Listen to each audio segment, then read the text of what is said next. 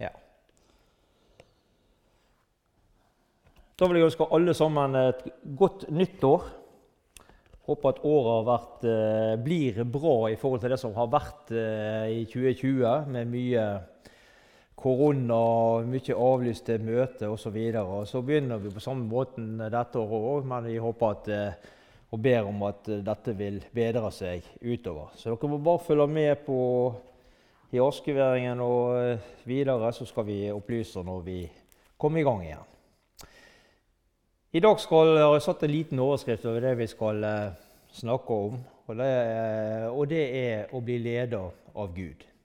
Og Vi skal gå til eh, Fjerde Mosebok, kapittel 9, og vi skal lese fra vers 15.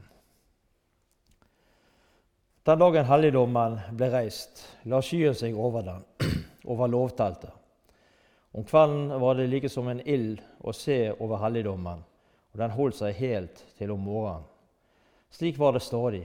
Skyen dekket teltet, og om natten var det liksom en ild. Hver gang skyen løftet seg fra teltet, brøt israelittene straks opp, og på det sted hvor skyen stanset, slo de leir. På Herrens befaling brøt israelittene opp, og på Herrens befaling slo de leir. Så lenge skyen lå over helligdommen, holdt de seg i leiren. Også når skyen over helligdommen i mange dager, rettet israelittene seg etter Herrens påbud og brøt ikke opp. Stund, stundom lå skyen bare noen få dager over helligdommen. Da holdt de seg i leiren så lenge Herren ville. Og de brøt opp når Han ville. Stundom lå skyen bare fra kveld til morgen. Da brøt israelittene opp så snart den løftet seg om morgenen. Enten det var dag eller natt, brøt de opp når skyen løftet seg. Når skyen lå over helligdommen et par dager eller en måned eller enda lenger, brøt israelittene ikke opp, men holdt seg i leiren så lenge den var der. Først når skyen løftet seg opp, først når skyen løftet seg, brøt de opp. På Herrens befaling slo de leir, og på Herrens befaling brøt de opp. De rettet seg etter Herrens påbud og gjorde som han hadde talt gjennom Moses. Vi kjenner godt uh, til fortellingene fra Det gamle testamentet. Fra den gangen vi hadde skikkelig kristendomsundervisning på skolen, bl.a. Den gangen uh, dere gikk på skolen, dere som er eldre enn meg. Jeg husker det sjøl. Det var ikke noe KRL-fag eh, på den tiden. Ja, den gangen var det ren kristendomsundervisning. Og Mye av dette her måtte vi pugge. Måtte kunne det utenat. Vi kjenner fortellingene om Moses og israelsfolket godt. Men hvordan leser vi Det gamle testamentet? Det er mye interessant å lese der. Mye historie, mange utfordringer de kom borti israelsfolket. Og mye elendighet, som f.eks. krig. Og Så har vi disse ett-tavlene som det står side opp og side ned med. Mange blar fort forbi disse. Men det er en rød tråd fra begynnelsen til slutten i Bibelen.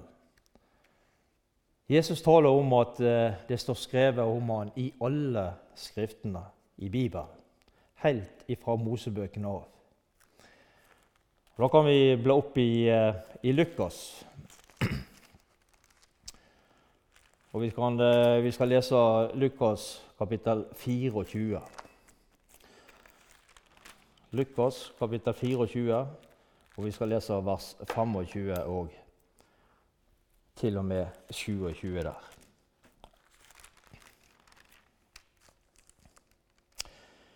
Da sa han til dem, så uforstandige dere er, og så trege til å tro. Alt det profeten har sagt. Måtte ikke Messias lide dette, og så gå inn til sin herlighet? Deretter begynte han å utlegge for dem det som står om han i alle skriftene, helt fra Moses av og hos alle profetene. Og Går vi litt lenger bak til uh, Timoteus, andre Timoteus, så uh, leser vi der i kapittel 3 og vers 16. Alle skrifter som var innvigd av Gud, er også nyttige til å gi opplæring og tale til rette, hjelp på rett vei og oppdra i rettferd. Alle skriftene er innunder av Gud. Jeg vet ikke hva slags øye, for å bruke det uttrykket, du leser de gamle, de gamle skriftene på. Når du leser i Gamle testamentet, les det med dette spørsmålet for øye. Hva har dette å si meg om Jesus? Hva kan jeg fortelle meg om Han? Da blir det interessant å lese og studere Skriftene. For det er en rød tråd. Det har en sammenheng, det som står i Det gamle testamentet og i Det nye. Vi leser i dag om eh, vandringen til israelsfolket gjennom eh, Sinaiørkenen. Og det er ca. et år etter at de hadde forlatt Egypt. De hadde mange utfordringer, men samtidig må det ha vært en fantastisk opplevelse at uh, Gud var med dem under vandringen. I det vi leser i, i, teksten i dag, så ser vi at uh, Guds ledelse av israelsfolket, sitt eget folk, ja, det, det, viser at eh, de blir ledet på en fantastisk måte. I vers 17 i teksten så leste vi hver gang skyen løftet seg fra teltet, brøt israelittene straks opp. På det sted hvor skyen stanset, slo de leir. De brøt ikke opp over tid. Nei, det skjedde straks. Med en gang Gud var i bevegelse, så var israelittene på beina og klare til å forflytte seg. Gud leda de, og de fulgte Han. De lot seg lede av Gud. De rettet seg etter Herrens befaling, etter Herrens påbud, og gjorde som Han hadde talt gjennom Moses. Hvordan er det med deg, du som lytter til i dag? Lar du Herren få eh, lede deg i ditt liv? Lar du Han få styre deg der Han vil ha deg? Lar du Han få bestemme i ditt liv? Er det Han som får din fulle oppmerksomhet? Kom i innflytelse i ditt liv? Får Han prege livet ditt? Hvis han ber deg om å gå et ærend for seg, er du da villig til å gå? Er du villig til å satse på at han går med deg? Alvorlige spørsmål, dette. Ikke minst for min egen del. Fordi jeg vet at eh, jeg også svikter så mange ganger på dette området. Har lyst til å bestemme sjøl. Har du det slik? I vers 18 i teksten står det slik.: På Herrens befaling brøt de opp, og på Herrens befaling slo de leir. Så lenge skyen lå over helligdommen, holdt de seg i leiren. Her var det ingen som prøvde å gå forbi eller gå foran Gud. Det var ingen som prøvde å vise Gud veien.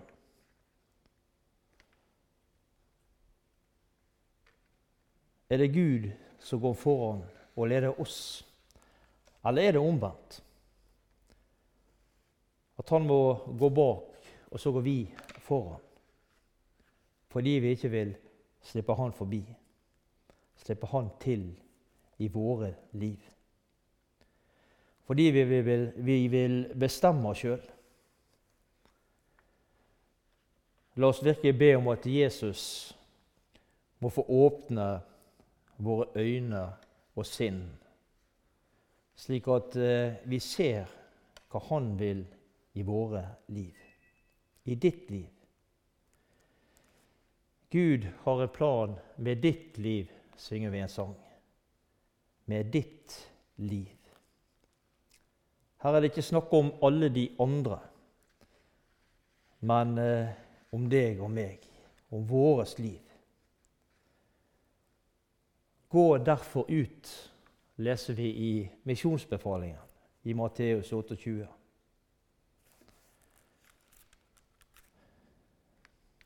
Det var en evangelist som sa det slik Vi har ikke rett å ha evangeliet for oss sjøl. Som kristne må vi ikke bare tenke på oss sjøl. Ikke være egoistiske til kristne. Evangeliet må ut. Og Det er dette som er de kristne sin oppgave. Være et vitne for Jesus. Når vi sitter i orken, eller er på bedehuset, er i kirken, Alle er sammen med andre kristne, da er det lett å være en kristen. Og Det er ikke så lett når vi går ut døren, når møtet er slutt og hverdagen begynner. Når en møter naboer og arbeidskollegaer som ikke deler det samme tro som det som vi gjør.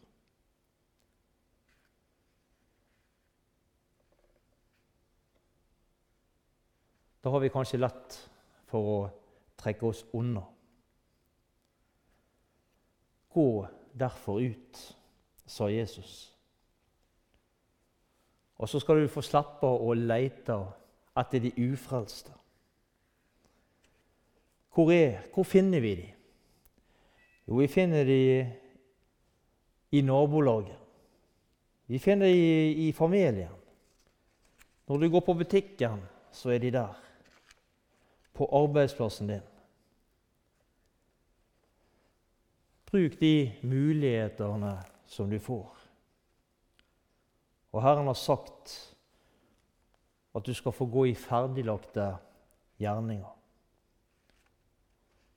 Hva var det de to kvinnene som kom til graven, gjorde da de så at graven var tom, og hørte hva engelen sa til dem?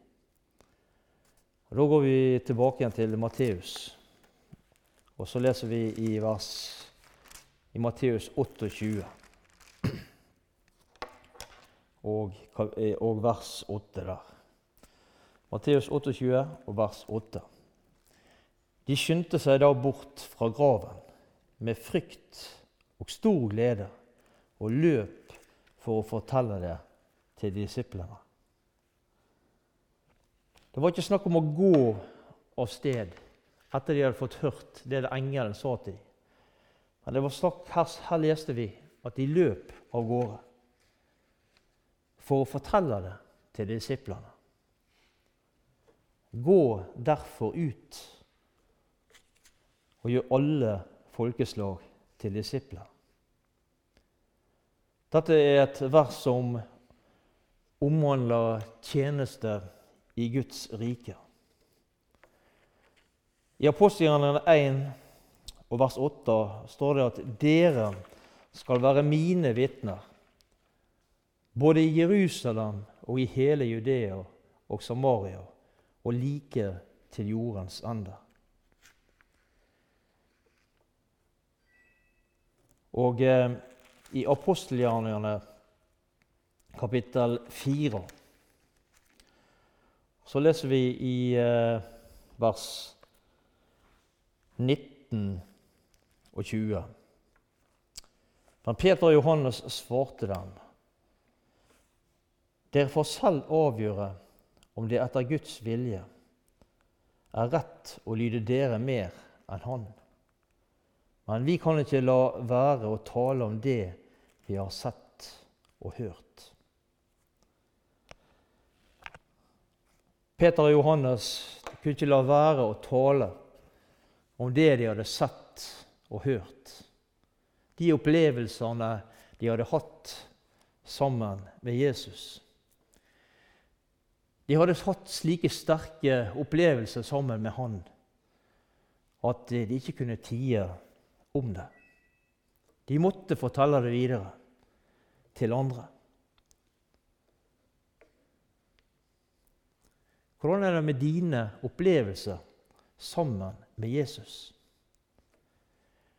Er det slik for deg at eh, trangen til å dele det med andre, den er der? Hør, kjære venn. Det betyr ingenting om formuleringene ikke er av de beste. Sett i menneskeøyne. For hør hva det står i Efeserbrevet, kapittel 6. Skal vi lese. Efeserbrevet, kapittel 6, og vers 6 og 7 der. Vær ikke øyentjenere som bare vil gjøre mennesker til oss, men Kristi tjenere, som helhjertet gjør Guds vilje. Gjør tjenesten med iver som for Herren og ikke for mennesker. Du gjør det for Herren, leste vi her.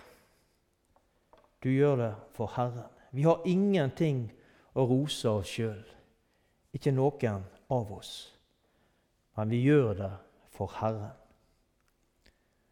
Og all ære og pris er det Han som skal ha. Det er mange oppgaver for deg som, som er en kristen. I dag skal jeg ta fram to av disse. Den ene er omhandler diakoni og omsorgsarbeid. Det er mange eldre og ensomme mennesker som, eh, som sitter rundt forbi og venter på at noen tar kontakt. Og I disse tider som vi er inne i nå, så er det mange som er, som er ensomme. Der, eh, der det er vanskelig å besøke folk pga. denne pandemien som vi er inne i. Mennesker som trenger noen å snakke med, og som eh, trenger noen å dele både sorger og gleder med. Det å kunne dele Guds ord i sammen. Det å be i sammen. Kanskje det er noen som venter på deg. At du kan ta telefonen opp og ringe til et menneske som Gud minner deg om. Oppgavene er mange. Så er det en oppgave og den viktigste oppgaven som eh, alle kan være med, kan være med i, og det er bønn. Bønnens makt er helt utenkelig. Den løser lenker, setter sjeler fri, synger vi en sang. Det er mange som kan vitne om at eh, de har blitt bedt på, blitt frelst pga. at det var noe som, som aldri går opp som ba for dem. Det var noe som aldri ga opp når andre gjorde det. Gi ikke opp i bønnekampen. Vi har mange løfter i Guds ord om at Gud hører bønn.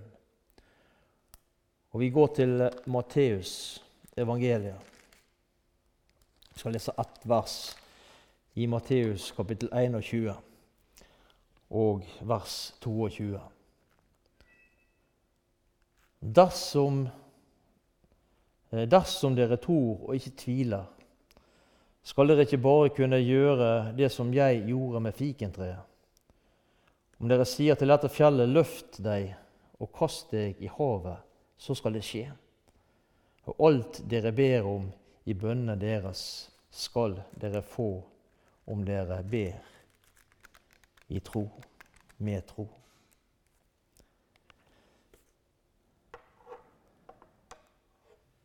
Gud vil at alle mennesker skal bli frelst. Og for å utføre dette så trenger han meg, og så trenger han deg. Han trenger oss i sin tjeneste. Det sitter kanskje noen og venter, som vi nevnte litt tidligere, på nettopp deg. Som venter på at eh, du skal banke på eller ta en telefon.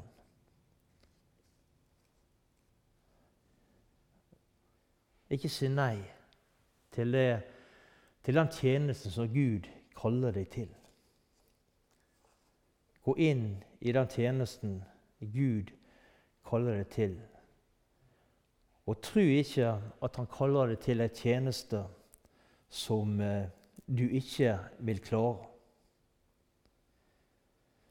Han har sagt, eller har han kalt deg, så vil han også utruste deg i den tjenesten som han har kalt deg til. Han går med deg. La han få slippe til i ditt liv. Gi han en sjanse. La du han få bestemme, vil du få oppleve store ting sammen med han. Du vil få oppleve Guds rike velsignelse i ditt liv. Vi skal bla litt uh, og Vi skal, vi skal bla litt bakover her i Bibelen, og vi skal finne fram til Markus, kapittel 16. Der skal vi lese to vers. Markus, kapittel 16. Da leser vi i vers 17 og 18. Kapittel 16, vers 17 og 18. Og disse tegn skal følge dem som tror. I mitt navn skal de drive ut onde ånder. De skal tale nye tungemål, og de skal, og de skal eh, ta slanger i hendene. Og om de ikke drikker dødelig gift, skal, de, skal om de drikker dødelig gift, skal det ikke skade dem. De skal legge hendene på syke så de blir friske. Og vers 16, nå leser vi 17 og eh, 8, og skal vi lese vers 16. Den som tror og blir døpt, skal bli frelst, men den som ikke tror, skal bli fordømt. Og disse, manne, og disse tegn skal følge, som vi leste her i sted. Det skal følge noen tegn med de som, er, de som har tatt imot, de som er troende. Han legger ting til rette i ditt liv. Kanskje du har opplevd det. Det var en tidligere arbeidskollega av meg som fortalte, at, uh, fortalte meg en gang at uh, han hadde opplevd Guds kall konkret i sitt liv. Gud kom til han og sa at han skulle slutte i den jobben som han hadde, og reise i hans tjeneste til Finnmark for å forkynne Guds ord til folket der oppe. Jeg reiste, sa han, uten å kjenne et menneske der oppe. Når han kom fram, så måtte han få seg en jobb å leve av, slik at han kunne reise rundt som fritidsforkynner. Første bedriften han eh, oppsøkte, fikk han jobb hos. Og Så fikk han reise rundt i mange år der oppe som fritidsforkynner. Her ser vi Guds ledelse. Han reiste på Guds ord på Guds løfter. Ingenting er overlatt til tilfeldighetene. Han har hånd om alt sammen. Til slutt i dag skal vi lese fra Johannes' åpenbaring. Og Da skal vi gå til uh, kjente vers i, i kapittel 3, i vers fra vers, 1, vers 21 og 22. Johannes' åpenbaring, kapittel 3. Den som seirer, han vil jeg la sitte sammen med meg på min trone, like som jeg selv har seiret og satt meg med min far på hans trone. Den som har ører, hør hva Ånden sier til menigheten. Det er dette som er håpet og målet vårt, venner. En dag så skal vi samles hjemme i himmelen hos Jesus og være sammen i evighet. Ha dette som mål i livet ditt. Om ikke vi treffes mer her nede på jord, så skal vi treffes der oppe hos Han og være sammen en evighet. De som tror på Hans navn. La blikket vårt, fokuset vårt, være himmelretta, himmelvendt mot Han som har gitt oss oppgaven med å gå ut og gjøre alle folkeslag til sine disipler. La oss be om at hans arbeid må lykkes, og hjelpe oss til å være villige til å gå i hans tjeneste når han har bruk for oss. Vi takker deg, Jesus, for ordet ditt. Vi takker deg for eh, at du er den som, eh, som, styrer alt. Du er den som eh, kaller mennesker til tjeneste for deg. Og du er den som eh, ligger ferdiglagt i hjernen. De, de ligger deg klar for oss. Og det takker vi deg for, Jesus. Du er den som støtter og går med i den tjeneste som vi står i. Vi ber deg, Jesus, om at du må hjelpe oss til å være villige til å gå når du trenger oss i de tjenester. Samme hva det måtte være. Hjelp oss, Jesus, til å være villige til å gå. Og du har sagt at du vil gå med. Og det tror vi på, Jesus, og det takker vi deg for. Vi ber deg, Jesus, for uh, det året som ligger foran oss. Vi ber deg om at uh, denne pandemien som ligger over landet og verden, at den må ta slutt, Jesus, slik at vi kan uh, komme tilbake til normale former igjen. Vi ber deg om at vi må kunne samle oss til møte igjen her i Arken og ellers og høre ditt ord bli forkynt og være sammen på den måten, Jesus. Vi ber deg, Jesus, for uh, de eldre i menigheten vår. Vi ber deg, Jesus, om at du må ta hånd om disse. Vi, ber, vi takker deg, Jesus, for at uh, det er mennesker her i menigheten som, uh, som tar ansvar for det diakonale arbeidet blant de eldre. Vi takker deg, Jesus, for dette. Vi ber deg, Jesus, for uh, en mann som, som, har kreft, Jesus, med spredning i, til hele kroppen. Jesus. Jeg ber deg, Jesus, om at du må, du må legge din hånd på han. Du må gjøre slik at denne karen blir frisk igjen, Jesus. Det er ingenting som kan Legene sier at han aldri kan bli frisk igjen. Men Jesus, du er legenes lege, og vi har lov til å be om at du virkelig legger din hånd på denne og eh, gjør at denne sykdommen slipper Jesus. Ta hånd om kona hans, Jesus. Styrk henne og eh, hjelp henne, og hjelp disse dag for dag. Vi takker deg for at de hører deg til.